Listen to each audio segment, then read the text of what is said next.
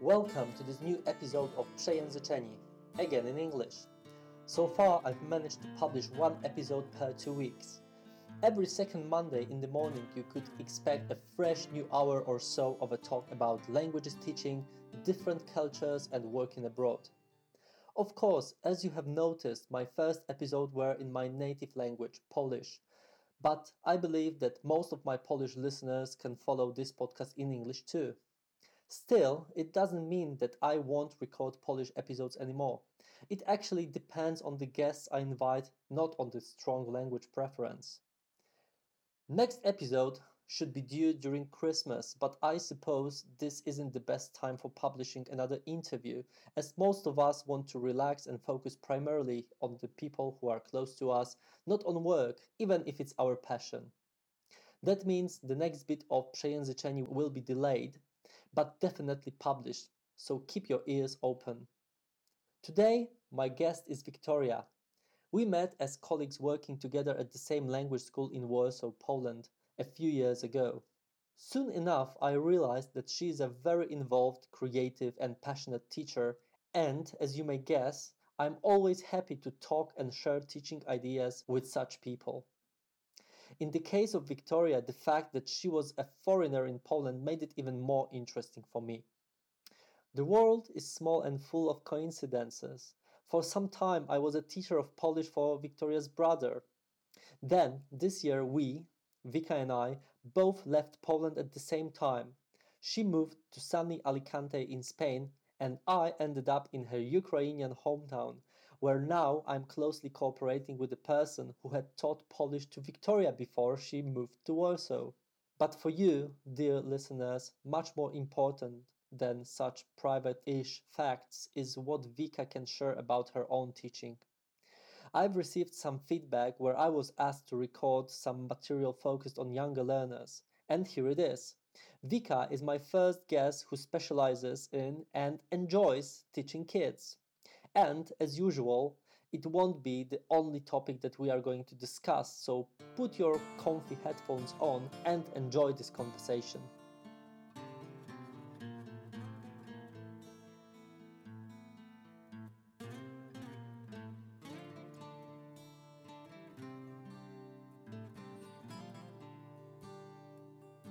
Hello, Victoria. Hi, Michał. Um, you know, it's an interesting coincidence that we met in Warsaw and uh, we had a chance to work together for a relatively long time. While before, both of us lived somewhere else, and now at the same time, we moved out of Polish capital city. Can you share where you are right now and how come you ended up there? that's that's a great question and yeah first of all i would like to say thank you for having me tonight on on your podcast i I've been enjoying every single uh, of the episodes that you have already recorded, and special greetings to Kasha. I really love the, the episode where Kasha appeared. Yeah, thank you for your kind words uh, about the podcast. And actually, I have already passed the message to Kasha, and she was very happy to okay, that. great. Cool. Yeah.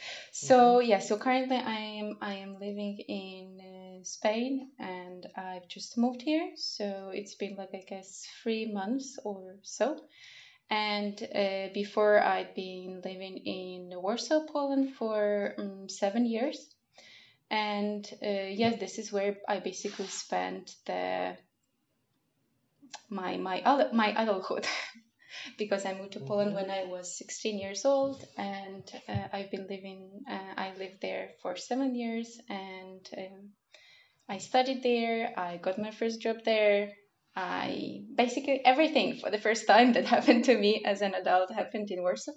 This is why I mm, dearly love the city so and yeah, I hope that um, I will have a chance to come back there because there are so many people, uh, so many friends who live there, and um, I would really love to visit them. And also, my brother is now living there, so yeah, I, I will be there. I will be back there one day for sure.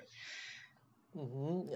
Actually, I think we are we'll have the chance to discuss it maybe discuss it later. But uh, actually, where did you come from to Warsaw? okay, sorry. because this is I guess another interesting fact for, for the listeners. Okay, so yes, so I was born I was born in Cherkasy, Ukraine. It's in the as I as I tend to say in the heart of uh, Ukraine, and yeah, it's a geographical center of Ukraine, and this is actually the city where Michał is currently residing. so what a coincidence again. well, Michał meaning me. Yes, exactly. yeah.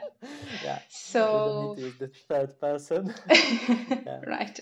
For sure. Okay, Victoria, but now you're in Spain and uh, you are currently kind of restarting your career, we could say, yes, yeah, starting that's again. Right.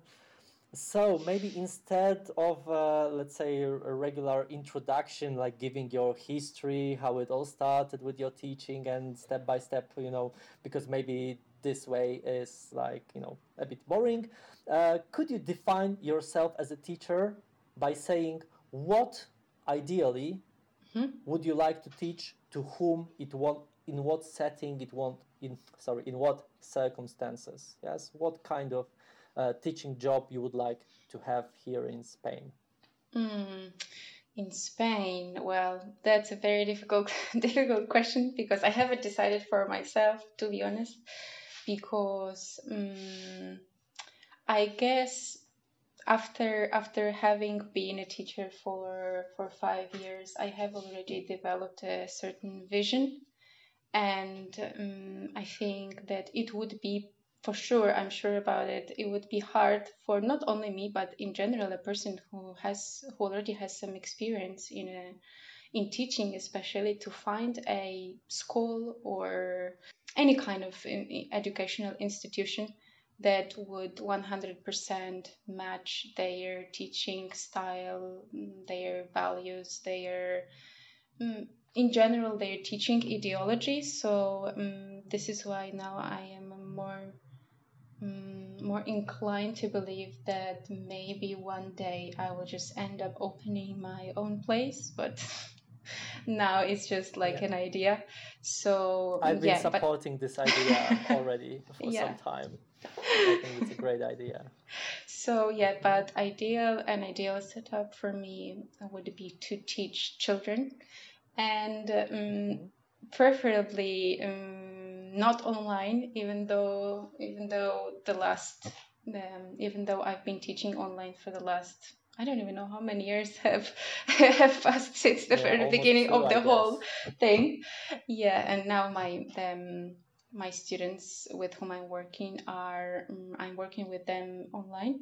So um, I, I have already kind of got used to it. And now when I'm thinking about, you know, getting maybe a couple of hours here and there and trying to find clients um, and then conducting on-site lessons, I think it might be difficult for me because because it does involve so much um, so much. Like what i mean is that for example you need to i don't know bring so many materials with you. You need to make sure that you didn't forget anything. You need to make sure that you print it out there. You need to make sure that your bus comes on time. And it's like mm, i think it's too much for for just getting you know one hour. It's hard it's hard to imagine coming back to to on-site lessons knowing that the majority of my lessons are online where i am just at home, sitting in my comfy in my comfy clothes, drinking a cup of tea, and talking to my students who so it's just like going outside of the comfort zone i would say even though like two years ago when i was teaching on site and then all of a sudden we came back uh, sorry and then all of a sudden we started teaching uh, online that was going out of the comfort zone but now i guess i have a different comfort zone and now going out from this comfort zone so like it feels weird i don't know so yeah okay. and uh, I, I get you mm-hmm.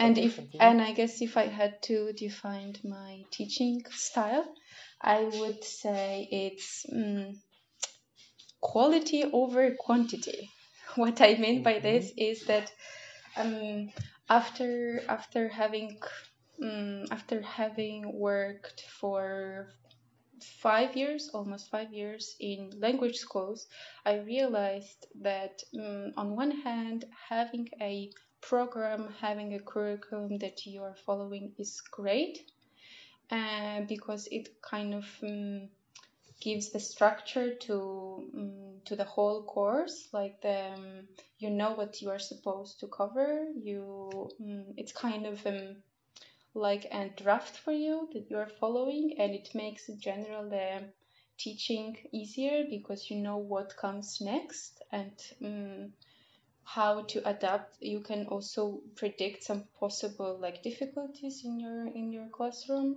because you know the background of your students and then you start you know adapting it a little bit. But on the other hand you have this pressure of having to um, complete it. And sometimes um, when the teacher feels pressured and when the, where the teacher starts when the teacher starts rushing the students read your emotions they read your frustration they and then they cannot learn things properly because because they don't feel comfortable with the space. And you as a teacher you want to suit you want to meet the needs of your students but you can't. And this is why i guess um, this is why i guess i would like uh, in my lessons i would like to give my students the freedom.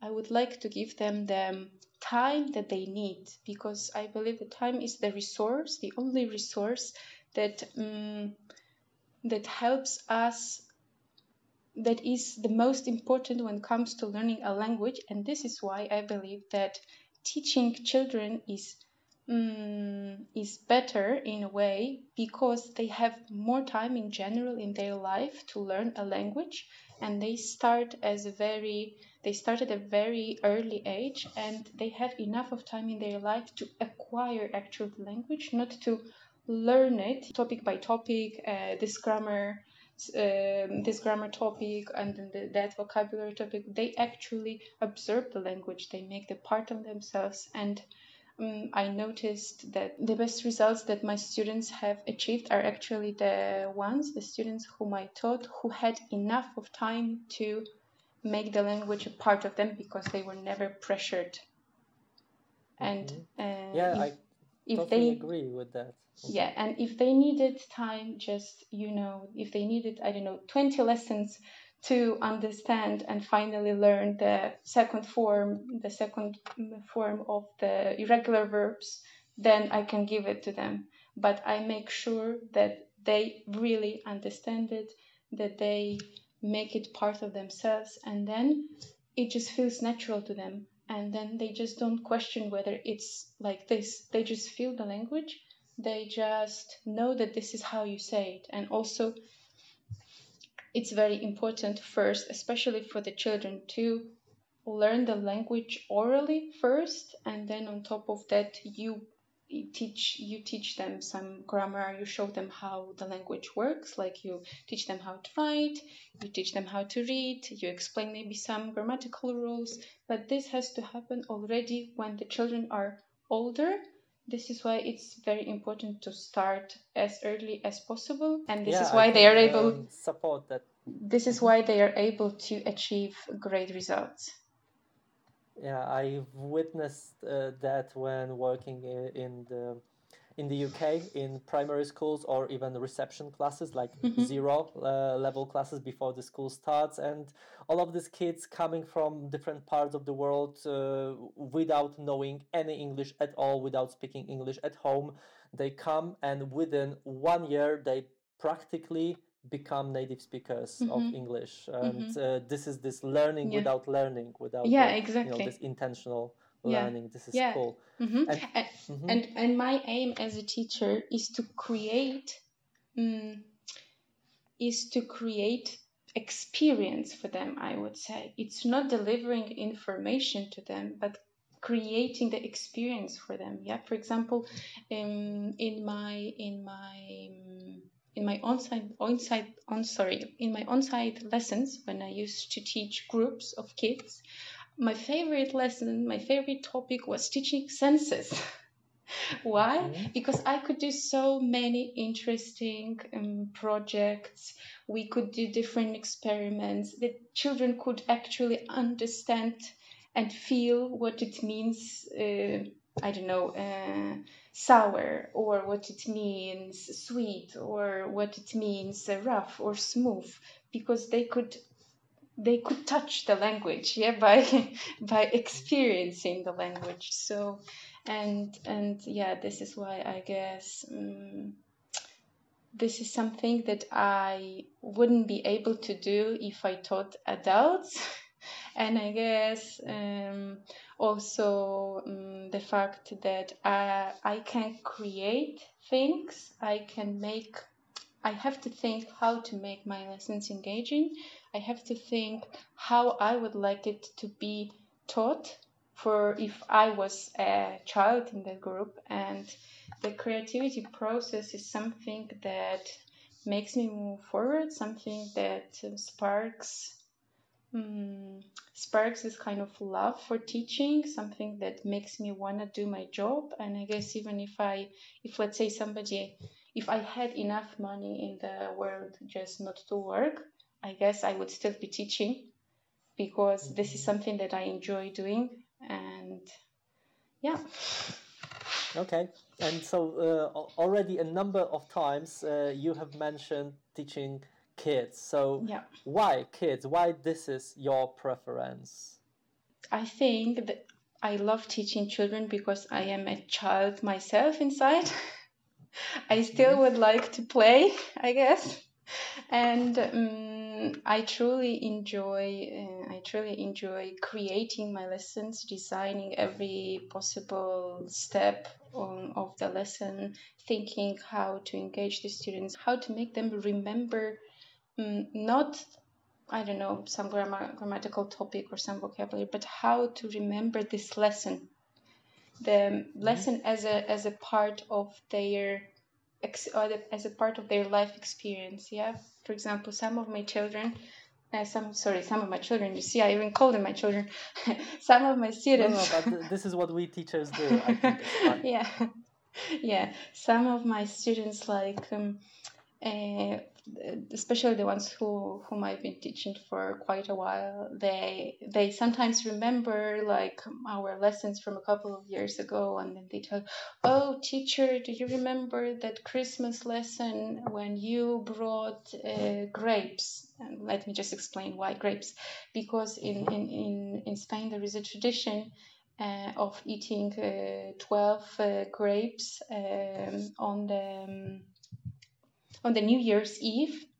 So and then you know just just the fact that I brought grapes to the lesson made them remember it, right? What you will think, okay, grapes, but what is there about those grapes, right? But no, it does stick, it stick to your memory, and the children they they remember experiences, they remember smells, they remember tiny details yeah and this mm-hmm. is what makes them want to come back to your lessons because they know that they will they will they will live a, a different story every time they will go through a different story with you and uh, it's something that will be different every time and uh, they just they just truly enjoy being there, coming to your lessons, and spending time with others who also uh, who also um, share the same experience with them.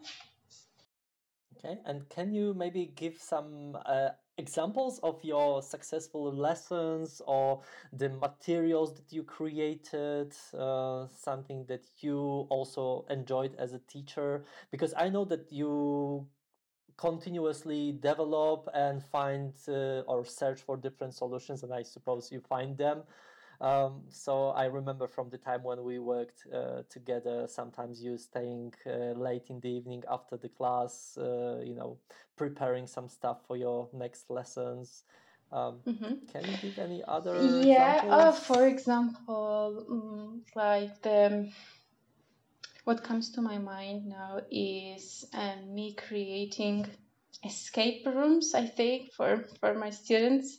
So oh, that's a very good idea. Mm-hmm. tell us so okay. So unfortunately this is not something that i can do online exactly in the same way as i did it uh, during uh, during real uh, lessons. But of course it all everything can be adapted. But okay let me just come back to the to the time when i, I still taught uh, on site. So um, let's say as i told you i really i really want my students to um, to have an experience a memorable experience during the lesson uh, so, for example, there was a um, we studied in Spanish eight um, prepositions of place, and I think if you want to, if you if you want um, a child to remember such an in a way abstract concept, yeah, because uh, prepositions of place, you really need to understand, you need to understand them not on the paper, but in real life to be able to remember what they mean. Because, for example, if you teach the child the word apple, right, you show the apple and they know that this is an apple, right? But you cannot just teach, I don't know, uh, behind and and suppose assume that the child knows and understands how to use it in, in in real life. Yeah and what it means and what it feels that something is behind right? So um, i decided to create an escape room for them and uh, so they had to look for the clues and uh, to be able to find the next clue they really have to under they really have to first um, they have to first read um, the short uh, short description. Like for example, the next clue is behind the orange box, for example. Yeah. Okay. So they first they read, then they process it, they activate the knowledge, right? And then they go and find that orange box and look right behind it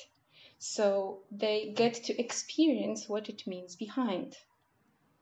Mm-hmm. Yeah, that's uh, definitely a good idea. I, I haven't even thought about uh, doing that because I, I would just think simply, you know, like take a box, take some other prop and put it on top or inside or behind. But uh, no, no, that's that's amazing. It just takes probably so much more of your uh, preparation. Uh, yeah, yes, it does. But on the other hand, uh, it's something that again as i told you um, makes them um, makes it makes the lesson a memorable experience for them and they want to come back to your lessons and also you feel like you are um, making them happy that you are bringing joy to their life that you are uh, making them smile that uh, they are experiencing some positive emotions and on top of them they are learning a new language they will eventually use it in their lives sooner or later. And in general, teaching, being a teacher is a very rewarding job, and uh, I think this is why I guess I would never imagine myself being in a nine to five, uh, do, being a nine to five, um, doing a nine to five job, because um, I need this energy, and only children can give me this energy. And um, i think um, for example yeah many many people told me like okay but victoria you speak so many languages like any any big corporation would be happy to hire you. Yeah but what's the use of me there if i will be just sitting uh, sitting in an office maybe translating some documents and that's it. I won't get that energy. I won't i won't get those emotions. Um, i mm. think that i would just you know my i would just wither like a flower you know? Uh, like mm-hmm. i need some emotions. I need i need their their smiles. Something that makes me happy feel happy as well on a daily basis. Mm-hmm. so Okay, cool. Thank you for that. And uh, I know that uh, online teaching uh, mm-hmm. at first wasn't the best choice for you, as you have already mentioned. Mm-hmm. But I remember when the coronavirus, the pandemic uh, started, uh, you were one of the teachers who offered to train other teachers at our school, mm-hmm. and also including me. And by now, you have mastered online teaching, I would say. So, can you tell us more about your way of online teaching, the tools you're using, about mm-hmm. your journey from this very difficult start until mm-hmm. now when you feel confident with all the tools and mm-hmm. yeah, and maybe find it even better in some ways than mm-hmm. on-site uh, teaching. Yeah. Um, now I am working uh, only with um, individual students, so it's quite different uh, because before when I uh, when we used to work in the same uh, in the same school, I taught groups of eight. I would say on average there would be eight uh, students in a group, so it is uh, different and also has its advantages and disadvantages. But um, in general, I am using, as you said, Zoom. And one of the most important tools that I use in my online lessons is Jamboard, which is an like an interactive uh, whiteboard, and it um, and it helps me conduct. It helps me make my lessons more interactive and more visual, and at the same time, uh, I can see what my student is uh, doing. I don't have to take photos, send them to my student. I don't have to. We just we have the same. Uh, we have access to this to this whiteboard, and we can edit it at the same time. I can monitor what my student is uh, doing, and uh, it just makes it so so much uh, easier. Um, yeah, and the other thing, the other. Um, the other tools that I am uh, using are um, Wordwall and um, recently I got into creating into, into, creating interactive presentations in Genially, which is um, like an advanced, I would say, and more modern version of Google Slides. Let's put it that way. Yeah. So that's it when it comes to yeah when it comes to the tools and the programs that i'm using in my in my online lessons and to be honest, uh, I'm sure you're using more than that. Maybe not on a regular basis, not like every single lesson, mm-hmm. but uh, okay. Before this podcast, we we talked about you know teaching online and that mm-hmm. this very basic teaching where you only use the book and maybe mm-hmm. you are able to play the audio over the mm-hmm. Zoom. Mm-hmm. And this is far from uh, enough mm-hmm. for you. But I also remember you creating some interactive kind of comics. Storyboard mm-hmm. or some I don't know explanations of different terms in uh, this kind of illustrative illustration uh, way where they are like animated. Mm-hmm. Now I don't remember everything, but I'm sure you've been using a lot of different things. Mm. as well. As I as I said uh, before, um, teaching um, groups and having conducting one to one lessons online is quite different. Uh, because, for example, when there are um, when the, when there is a group of uh, a group of students, you can do so many things just because um, because there are a lot of people.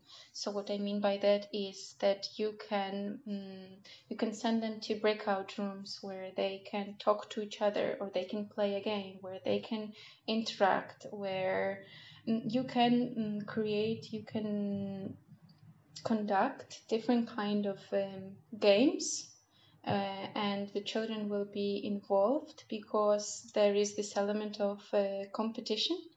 And um, when you are working with a child one to one, you are the only person this child is interacting with.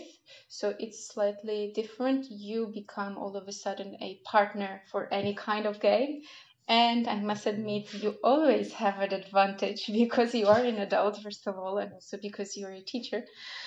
Uh, so obviously you um, you you your level of language is much higher you um, less likely make a mistake you so sometimes I need to pretend like I don't know what is Mm-hmm. going on. so like I don't know what's the answer or when it comes to group lessons um, you could also mm, do different uh, kind of um, what to call it um, activities that um, that would make your students, for example, uh, let's say, go grab something from their from their room and just show a part of it, uh, a part of the subject to their partner, and then they have to guess what it is. Or, uh, for example, uh, you, um, I don't know, switch off your camera and I don't know, start creating some kind of noise with the objects that you have next to you, and then your partner has to guess, hmm, are you, I don't know, uh, snapping your fingers, or are you clapping your hands, or are you, I don't know, knocking on the on the table and things like this. Okay. hmm Um, right. Okay. Let's move on. And uh, I know that you sometimes describe yourself uh, as a linguistics freak or methodology freak. Do you still agree with that, or shall I I don't know. question? Uh, why? Why would? How is it for you? Like, uh, um, I know that you are really interested in this kind of stuff, uh, even in your, let's say, out of working Mhm. hours. You Mhm. would read this kind of literature. You would be into this kind of stuff. Um, can you tell us more? Like, what is the most interesting for you? Maybe what you've been doing uh, recently about it. Mm, I actually cannot answer this question myself, like why I am hmm I am so into linguistics or so into methodology and why I never get bored with it.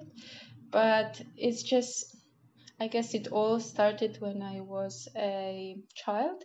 And I remember my, uh, I remember actually my first um, lessons of not English but Ukrainian at school. Um, so and I I got into in, I got into analyzing sentences. I was always curious, like why do you uh, why do you add this prefix and then not that prefix and what all those hmm idioms mean and i always was eager to to understand how the language works and also um, language lessons at school by language lessons i mean ukrainian lessons they gave me the freedom of um, expressing myself and i guess this is why i liked that subject so much because i could um, it's not like for example you had to remember that formula yeah and you just had to use it.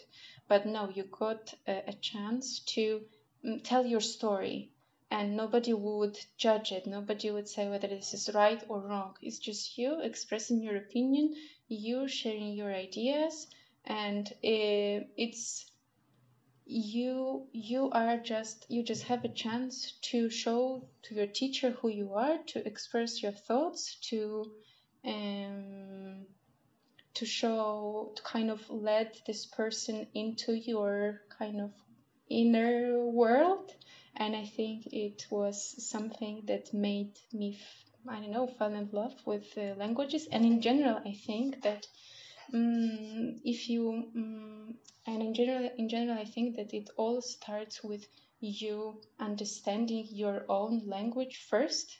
So let's say if you mm, if you understand as a child what is i don't know a verb yeah so most likely right as an adult if you start learning a different language you will also be able to understand what is a verb and how it works because you know how it works in your language as well. And I also believe that, for example, why I don't teach um, adults is just if you really if you want to be um, proficient, if you want to achieve a very high level of um, English or Spanish or whatever language you want to choose, you really have to be you really have to dedicate a lot of time. And those higher levels they require deep mm, knowledge of the language from the inside. So it's impossible to learn mm, to achieve such a higher level without actually knowing the rules grammatical rules and without analyzing um, the language in itself and this is not something that a usual person would like to do on a daily uh, on a daily basis. They just want a quick solution because they have to go on a business trip and they need and they need to communicate, which I understand you can learn it to a certain level, right? You can reach B1 without any problem, and you don't have to know all those complicated rules and you don't have to analyze the language. But if you want to be proficient, if you want to be a fluent speaker of a language, you need to um, really work on the language on a daily basis and like for example when my when my adult students um, long time ago asked me so how long did it take you to achieve like your level of fluency? And i told them like you know all my life like i am still i am still learning. And um, because they would say you know i would like to speak like you. Yeah i understand. I'm very flattered but uh, but um, you should also understand that I am a teacher and I am supposed to have a great level of English and uh, or Spanish or any other language that I'm teaching. And if you would like to have more or less the same level, it has to be like lang- this language has to be your lifestyle. Everything has to be about this language. And I'm able to speak English the way I'm able to speak English just because my whole life was about English. So, and as I said before, when you're a child, you have all this time. You have all this time to acquire the language. You have all this time to reach this um, the high level of competency by the time you are an adult because you started long time ago you first acquire the language and uh, you learned first how to speak and then you started understanding more complicated things. Mm-hmm. And uh, staying within this topic of uh, the methodology, mm-hmm. but at the same time, you have mentioned uh, Spanish language a number of times. Yeah. Uh, so you also teach uh, Spanish and obviously you speak this language. Maybe later I, am going to ask you about the language itself, how you learned and all that. But how much of this English teaching methodology can you use for teaching Spanish? How much it is transferable? And um, yeah, and is there anything in Spanish teaching mm-hmm. that English teachers uh, could be inspired by? So, so how can you transfer this? Yeah, so I am using 100% of the methodology that I am using in my English lessons, and I guess it could be applicable to any to any foreign to teaching any foreign language. And um, I think that um, there is nothing that was invented something some, nothing that was invented only specifically for one language in particular uh, so I think that methodology could be shared and could be shared and could be used for any for any language. Mm-hmm. Hmm. When I when I think about um, me and comparing teaching English and teaching my own language, which is mm-hmm. Polish, mm-hmm. I think the difference in these two languages also makes us. Um, let's say make different choices when, when we teach and sometimes the fact that uh, english is uh, a positional language and mm-hmm. also that many people uh, let's say are false beginners so they mm-hmm. know some basics of mm-hmm. english when they start as mm-hmm. uh, theoretically as, as yeah. beginners mm-hmm. in comparison to polish where mm-hmm. the real beginners are really like on the zero level and then they need to s- uh, learn all the cases step by step and you even if you are theoretically you already have some vocabulary but if you don't know a certain form of a noun mm-hmm. then you can't for example yeah. discuss how your weekend was because mm-hmm. you need cert- a certain uh, noun case mm-hmm. just to say where you went at the mm-hmm. weekend and this yeah. case is let's say comes later so all of these things they make you choose different solutions but okay, mm-hmm. maybe this is just uh, you know Polish and English. Maybe Spanish and yeah. English are closer to each other in that respect. Like in grammar, a way, I, I, would say so. Especially if, let's say, a child um, is learning English at school, um, it does help because there are many um, the vocabulary overlaps in, in, in different areas and uh, also but on the other hand uh, like on one hand, the vocabulary vocabulary overlap sometimes in those languages, but on the other hand, uh, Spanish grammar is much more difficult than English grammar. Right, and you also, I know it, that you also have the experience of teaching Polish, which is uh, another language that is your that is not your native language. Teaching Polish to your brother, and uh, yeah. uh, I have seen that you have created some materials uh, mm-hmm. yourself. So, can you tell us about the experience of teaching the third oh. language actually. oh my god. Which well, I, I wouldn't native language. Yeah, this I would, crazy. Yeah, I wouldn't even call it like teaching teaching because it was just like one time thing, but by one time thing I mean that I taught Polish only to my brother. I didn't I don't have anybody whom I'm teaching Polish. I didn't have any but Polish. it was structured. It lasted for some time. It wasn't just like a one-off lesson or just just yeah, random list mm-hmm. of vocabulary and that's it. Yeah, but uh, as we as we talked um, as we talked before, the methodology can be applied to I am sure pretty much any any language. So I I know from my experience how to structure a lesson I know the language on a relatively good level. I don't know. You have to tell me whether I know it on we, a relatively we good. got to speak Polish much in our lives, yeah. to be honest. Yeah. So, um, so hard to tell, but no. Um, from what I know, yeah, uh, you have the you know amazing uh, level of Polish, uh, given all the other languages that you know and all that yeah but anyway we'll get there later so, but let's continue yeah. about teaching your brother so um, yeah so he was about to move uh, to poland the decision was quite um, spontaneous and uh, we needed to because he to enter the university he had to pass an interview which was something new that they introduced and obviously we were not ready for that and so there was no time for looking for a teacher uh, so i decided okay so let's just do it uh, i could do it myself and help him um, prepare for the for the interview. Yeah you did it. Cool. And that uh, makes me ask this another question. Mm-hmm what about teaching your own language, your native language, or actually languages? This is actually a, a, another mm-hmm. interesting thing, which is uh, I don't know how much this is like linguistics and how much this is politics, mm-hmm. but basically in Ukraine there are two languages present. Mm-hmm. And um, so, have you thought about teaching your native language or languages to mm. foreigners? I actually don't know, and there uh, there are um, there is a number of factors that kind of um, stops me because um, the problem with um, Ukrainian uh, as a language is that because um, because of the whole political situation that um, because of the of, of the whole political situation and the fact that Ukraine, Ukraine was a part of Russian for so for under the power of Russian for so long, the um, people didn't learn how to speak their language properly.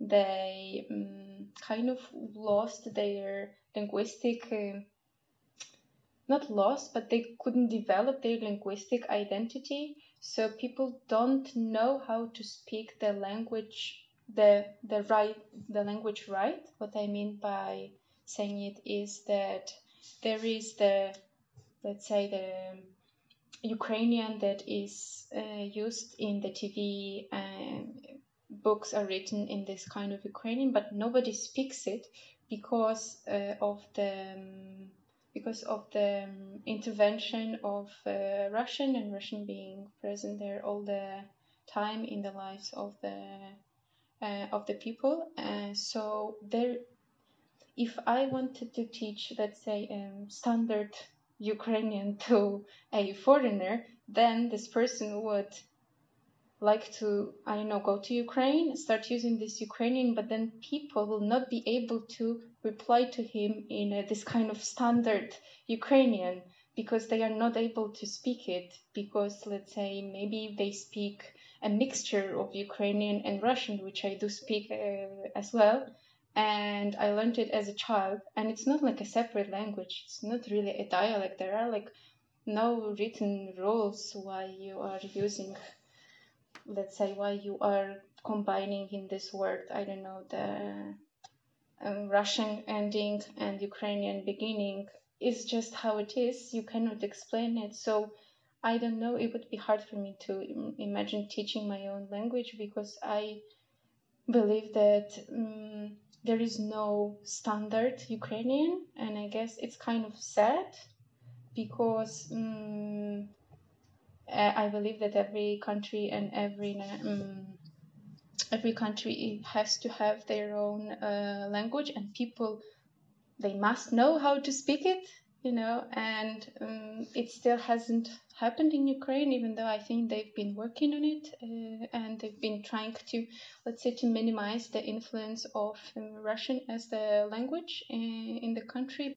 I also, um, you know, when when they asked me mm, whether I learned Russian, mm, whether I speak Russian because I know it because I had Russian lessons at school, I I always tell people that I never had Russian le- Russian lessons at school, and they then they don't understand how you can learn a language, right? If you didn't have like. Uh, the lessons at school or your parents didn't speak to you in Russian and then I told them, you know, it's just because Russian was uh, was everywhere. It was on the TV.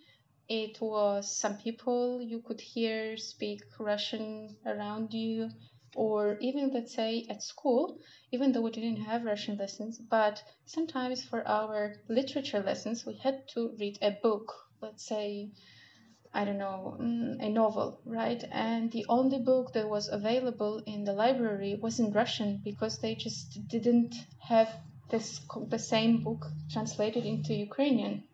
Because, for example, nobody has ever translated into Ukrainian. So you, as a kid, you had to read a book uh, because this is something that you were supposed to read for your literature lesson, and the only book that you could read was in Russian, so you just learned it because because there was no other way. Yes, and uh, you actually have told me that uh, your uh, native language, or again, language or languages, I'm not sure, that they are sort of dying out because you don't get to use them much anymore and you don't identify with them that much. Am I right? Uh, can you tell us more, elaborate? Yes, uh, yes, you're right. Um, also, like there are many factors that that have influenced it, and mm, forgetting, in a way, forgetting your own native language is a thing. I mean, it it is possible even though probably for the majority of you it would be just impossible to impossible to imagine how you can all of a sudden uh, not be able to speak your own language but of like course. lose the skill of riding a bike exactly. that you already have. Yeah but what i mean by this is of course it all depends on let's say um, when you stopped being exposed to your native language. In my case, uh, I am kind of exposed to the language because I still do consume some content in Russian or Ukrainian. But um, what is happening is that I don't speak it at all. Like, um, I mean, unless I talk to some family members or some friends, but um, on a daily basis i don't use this language and also because there are other languages that i speak and i use more often on a daily basis that um, interfere in a way with my with my native languages so they have made an impact as well uh, by let's say um, let me give you an example of writing emails I have never, mm-hmm. like the the majority of the emails that I have written in my life were in English, and also the fact that my adult life all happened in Poland. all the situations that I had to go through were either in English or in Polish. So certain things I just didn't get to experience in, let's say, Ukrainian or Russian. This is why I remember when I had to write my first email in Ukrainian, I was like, okay, but how do I start? What are like the rules? How do people write emails? Like, what is the proper beginning? What is the proper ending, right? Because I know that in in English it's like I don't know, you finish the email with kind regards. In Polish, finish it pozdrawiam or things like this. But in Ukrainian, I have no idea, you know, and it was weird. And uh, yeah, but also what I mean by interfering, um, by other languages interfering with my native language, is that um, I just don't remember anymore how to say something. Let's say like the first the third the first word that comes to my mind is in English, and then I just struggle to find a, an equivalent in in Ukrainian, and or for example, um, Polish, which is much closer to Ukrainian, has also um, um, has also influenced my Ukrainian uh, because let's say when I started learning Polish, I had to memorize, okay, so in this particular, with this particular verb, you need to use particular case. And it was like a different case in Ukrainian, right? So then, because I was using Polish on a daily basis, uh, I I just got used that it was like that. And then when I start when I start speaking Ukrainian with somebody else, I kind of think that because Polish is similar to Ukrainian, it must be this. Uh, it must be the same in Ukrainian. So then I just let's say use a Ukrainian uh, Ukrainian word, but then in a wrong case. and then it yeah, sounds yeah. very weird. I, I, know. I'm going through it all the time with my students uh, studying Polish, uh, students who are originally Russian speaking, Ukrainian speaking, Belarusian speaking mm-hmm. uh, and learning Polish. Mm-hmm. So yeah, I know yeah. what you mean. Yeah, but or, basically, uh, okay. Yes? Yeah, and also there are some concepts that, um, for example, as long as you, um, as long as you reach an, mm, um, a certain level uh, in a language, let's say quite high, like B two and upwards, um, you stop kind of learning vocabulary on purpose. Uh, so let's say whenever you hear a new word, a new, a new expression, or some idiom or metaphor, you don't need the translation. You just kind of get it from the context. You kind of figure out the meaning on your own without having to resort to a dictionary. And then you just hear it more often and more often in different contexts. And this is how you build this kind of image of this word in your head and and then you just don't even question yourself okay and how do you translate it into another language like into ukrainian for example? So then when i start when i speak to my friends or family in in when i speak to them then this kind of word comes to my mind and i have never checked its translation so and then it's kind of hard to explain what you mean. It's like okay wait a second. I need to translate this word because it's very important and i want to use it. And then i don't know. Okay i see. It's, it's a very interesting uh, story. But uh, Okay, now I would like to ask you about your success in learning other languages. So mm-hmm. we have already discussed uh, some bits and pieces about Polish, then a lot about English, some Spanish. Um, so um, how come you have learned so many languages? How how did it go? How did it start? Maybe you can tell us more about uh, Spanish because this one is. Uh, something you've learned, let's say, the most recently, I guess? Yes, yeah. It all started, even though it started like seven years ago, yeah, I, I guess we could still call it the most recent. so, mm-hmm. okay. yeah, to be honest, I, um, when I, um, when I just got into the university and I was, um, I, by the way, studied English philology, I um, I had to choose the second language that I would be um, studying because it was a part of our program. So every person who studies philology has to choose a second language. And uh, back then, uh, I was 100% mm, sure that the language of choice would be um, German. I guess that's also because in the um, in the eastern part of Europe we have this kind of image of Germany as a very successful uh, mm, country and everybody wants to move there. Their level of life is quite um, high, and without having been to Germany ever in your life, you just think that probably, yeah, it would be something that you might. Um, it, it, would be probably a language that would, um, let's say, give you better job opportunities or will help you move to Germany. So, yeah, so I didn't have to um, think twice when it comes um, when it came to choosing a second language, but of course there there had to be a but because um, mm-hmm. um, at the time um, once I started studying, I got also my first job. And um, I worked as a, as a babysitter, and they needed me at certain time. And um, and this is when I realized, okay, but I won't, wouldn't be able to make it to my German lessons. So um, what could I do? And the only thing that I could do is actually sign up for Spanish lessons. And it's like, oh no.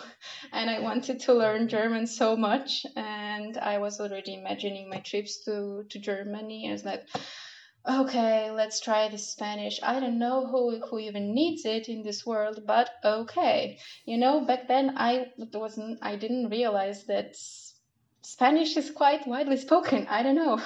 I never thought about that. And um, it was just all a coincidence, a big, a, a, big coincidence. I never wanted to learn Spanish. I started learning it because I didn't have any other choice, and here I am, living in Spain. You won't believe it.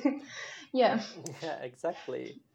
Uh, all right. So uh, you have really mastered um, at least three uh, languages that are foreign for mm-hmm. you, uh, plus uh, Ukrainian and Russian as kind of mother tongues, if I can say that. Mm-hmm. So, what would be your tips for people who would like to reach similar level to yours? You have already mentioned that ideally you should make the language or the languages mm-hmm. your own lifestyle. Mm-hmm. Okay, but that sounds quite general.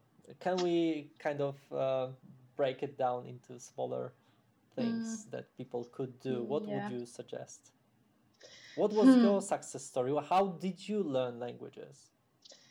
Um, as I told you um, before, I think it all started with my mother tongue, just because I was so into understanding how the language works. I just um, learned very well, let's say, that um, I don't know, adjectives describe nouns, and adverbs describe verbs. And I just had this kind of, I figured out those rules, how languages works for myself since I was a little kid. And then I was just applying them for any other new language I was learning. I was just using the same the same strategy i could i was so happy when i could see oh it's exactly the same as in my language in my native language so english works in this way as well and then and then once i started learning uh, learning uh, polish i also realized oh so you need to uh, also conjugate the verb or you need to agree uh, i don't know the adjective in gender with the engender a number with a noun. So I don't know. I think it all started just because I got into into my own into understanding my own language and um, I understand that this is not something that a regular person would be doing and probably it's something that might sound boring to other people, but it's truly fascinating to me. I just love discovering how a new language works. I am very excited. Okay, sorry about... to interrupt, but this is very interesting the way you have learned yourself, and actually, you are trying to save your students from mm-hmm. this kind of way. Hmm, is, isn't yeah. that some kind of contradiction? Uh, yes, in a way, but um, you know, not everybody has to be a language freak. Not everybody mm-hmm. needs to know how, um, I don't know, how to analyze the sentence, how to, I don't know, not, not everybody needs to know the rules of, um, like, of word formation not everybody needs to know that in this sen- in this sentence you are at this moment using past perfect continuous. Uh, people don't need it on a daily basis, right? Uh, when was the last time you analyzed a sentence in Polish? Or answer Come on, uh, I'm not the best person to ask because I also do it professionally. So probably it was today in the morning. yeah, but when I, what I mean is outside of your working hours, right? When you are. Oh, can I don't know. it? Yes, you know it exactly. that we teachers sometimes struggle to detach this.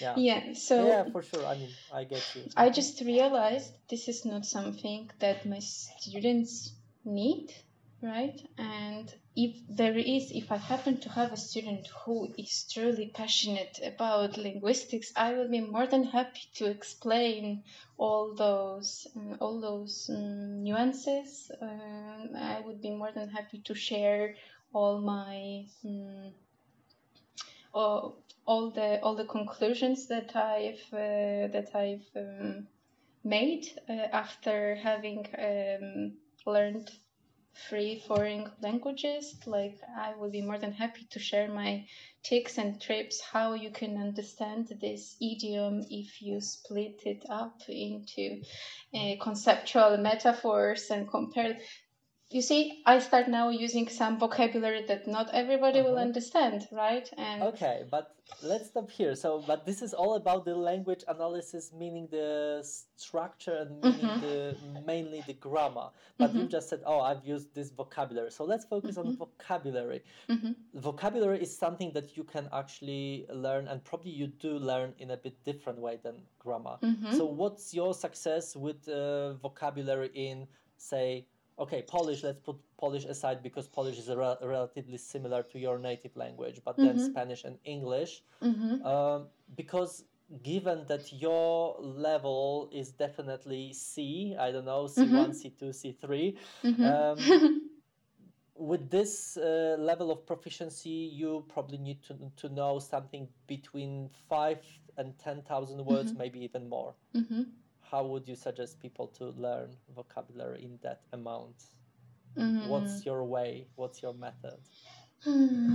When it comes to vocabulary, um, it just has to be the right vocabulary for you.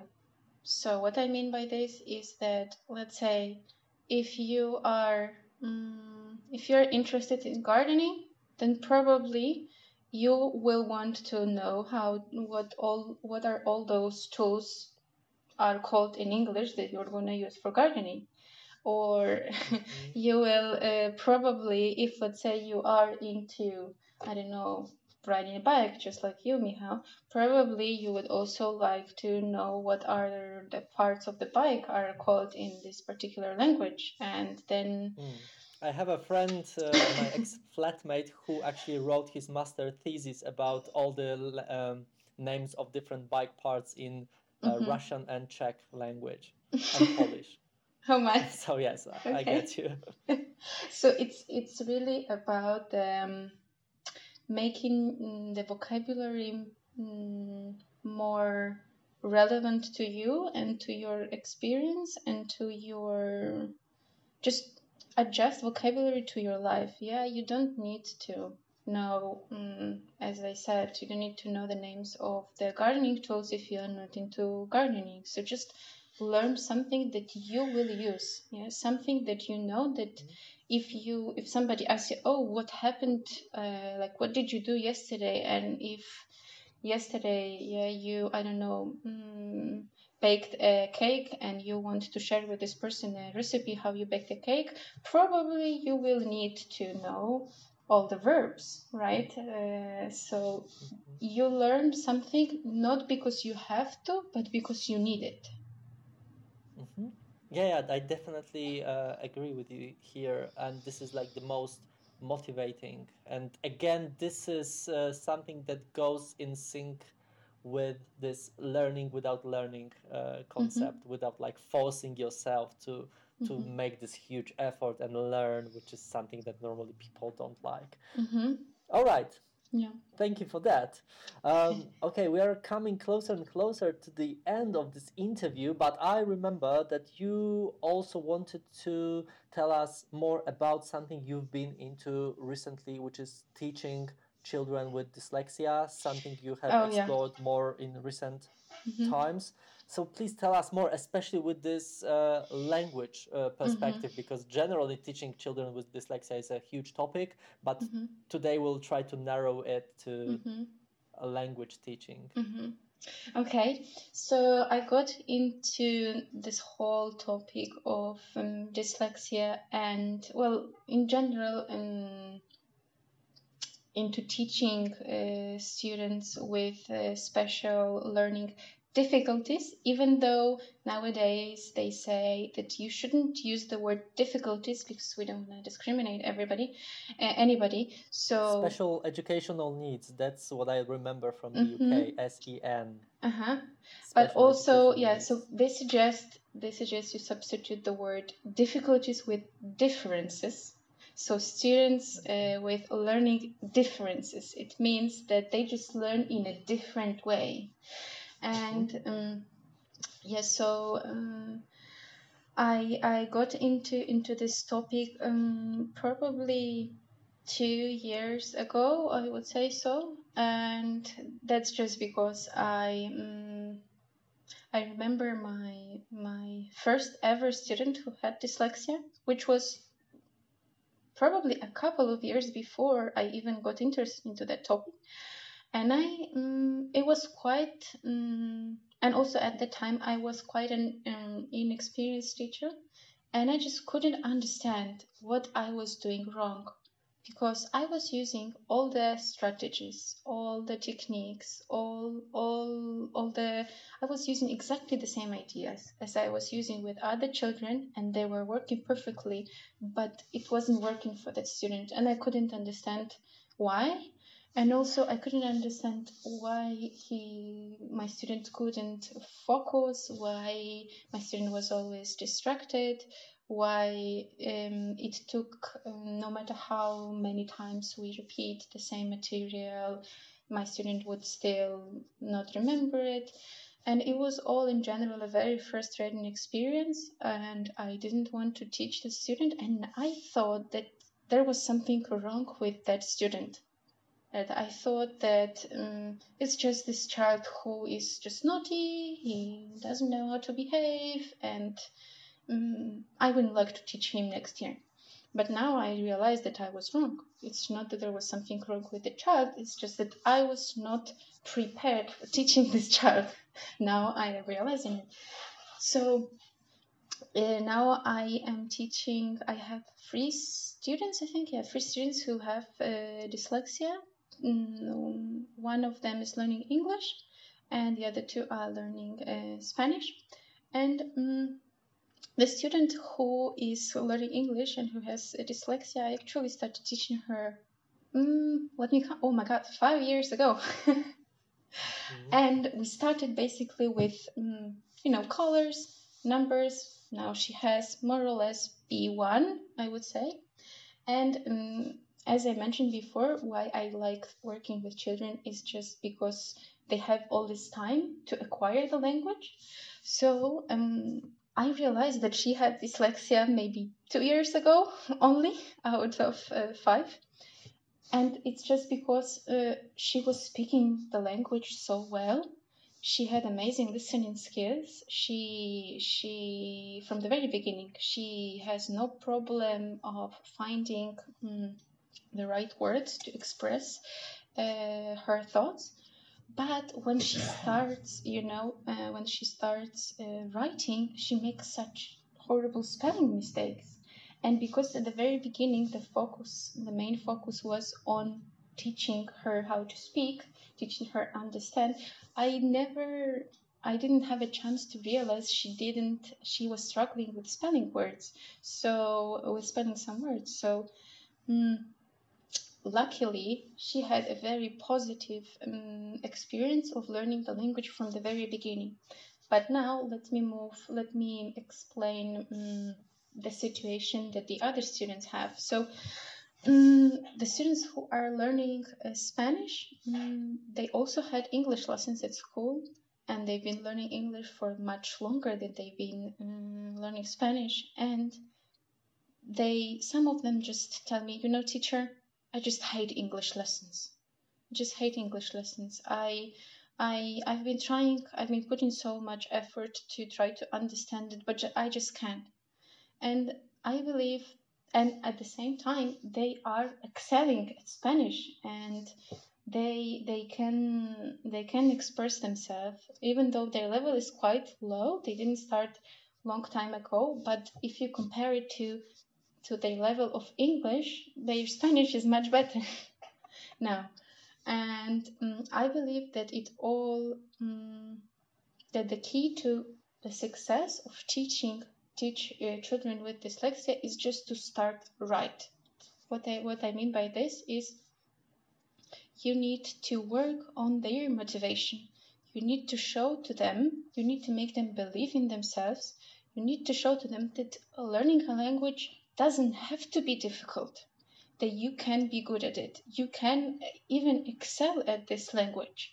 It's just you need to create um, a lot of positive experience for this child and um, you as a teacher of course you need to adjust also your teaching methods because let's say children with with dyslexia they have very short attention span uh, and working memory, what it means is that, for example, it's not enough for you, it's not enough for them just to see the word and maybe write it down once.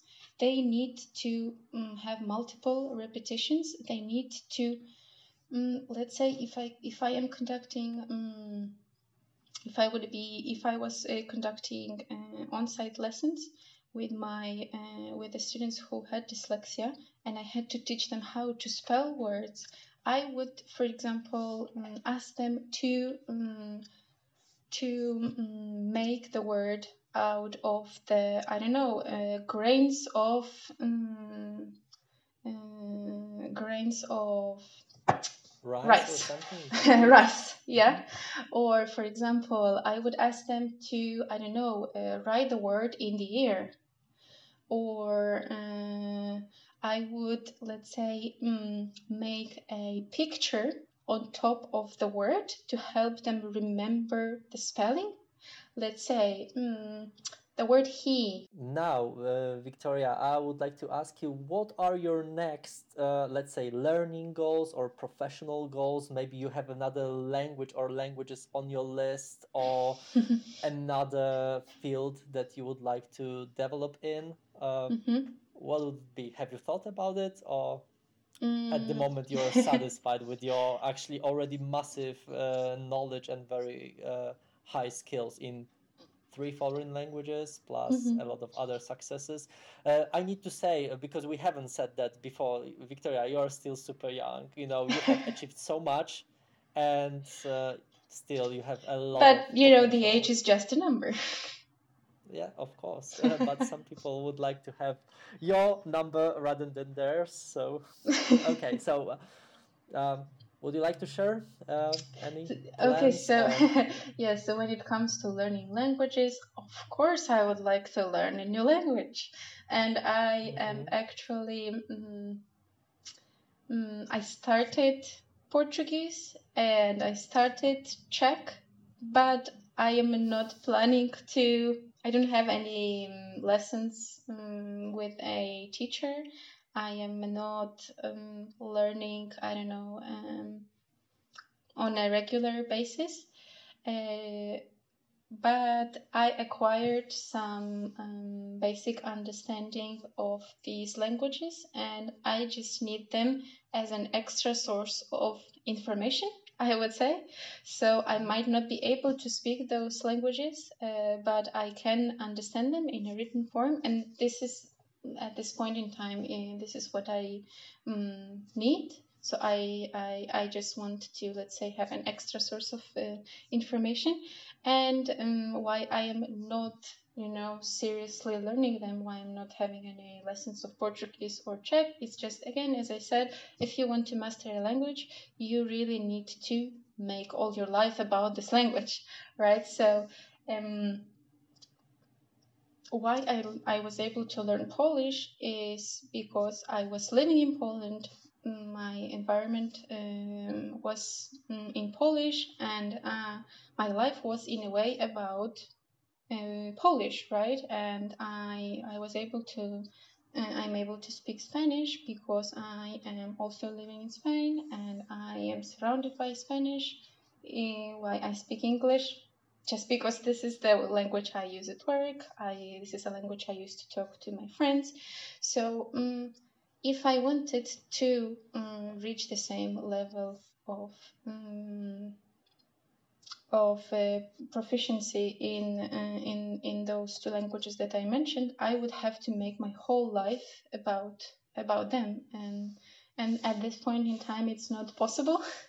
so um, so um I guess I, I, I am just fine with understanding Portuguese and understanding uh, Czech. And of course, if one day I decide, okay, so maybe, I don't know, let's move to Portugal, maybe I will.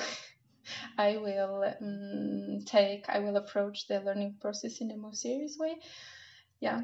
And you ha- still haven't stopped uh, developing your teaching skills because you have just uh, finished uh, the Spanish teaching course that you had the scholarship for, if I'm mm-hmm. not mistaken. Mm-hmm.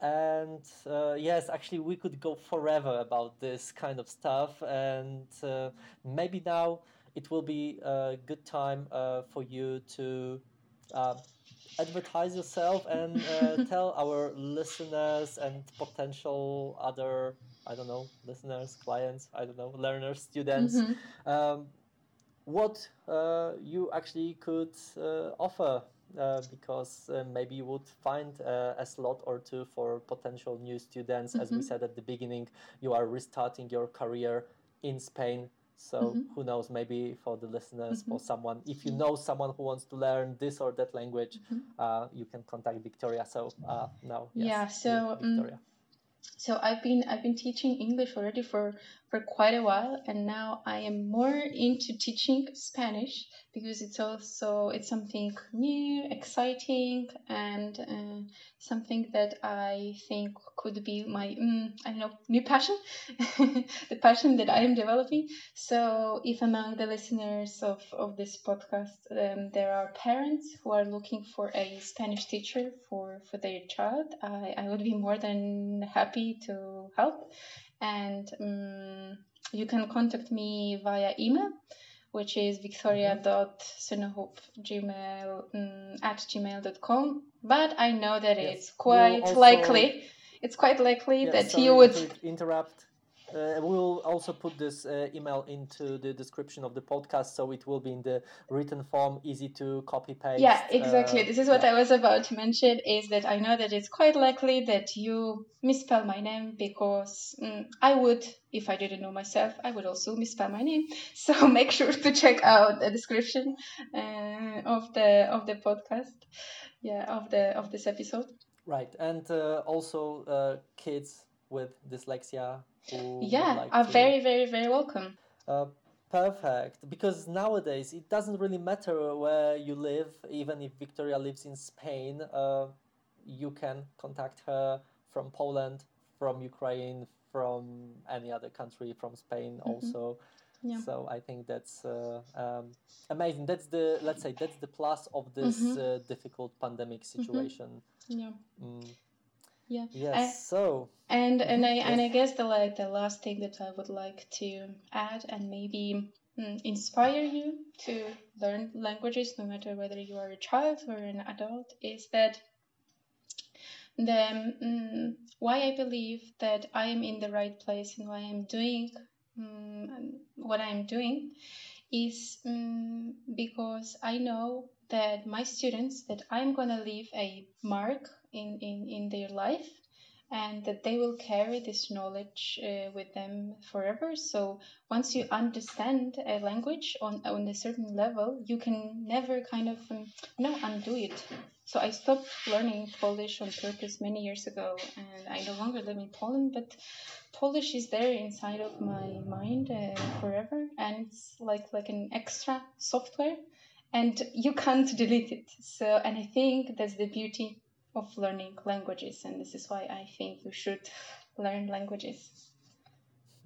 This is very interesting. I mean, I don't want to start another conversation here, but the thing is that you said that it's easier for you to forget your uh, Ukrainian than mm-hmm. Polish. Hmm, yeah, but again, but we I were think, yeah. we were talking about um, you know speaking skills, right? it's Like you will always understand your native tongue. I mean, if if somebody talks to you yeah in, in ukrainian let's say in my case i will always understand this person yeah but if i don't let's say um, ex, if i don't um, speak the language myself then i find it difficult to to express my my thoughts but you it's it's already there yeah you cannot as i said you cannot delete it you cannot undo it you cannot let's say just you know ignore it. You will always understand it. It's like, let's say, uh, you are on a bus, yeah, and you are, I know, reading a book, right? And there are some people talking next to you in a language that you don't understand.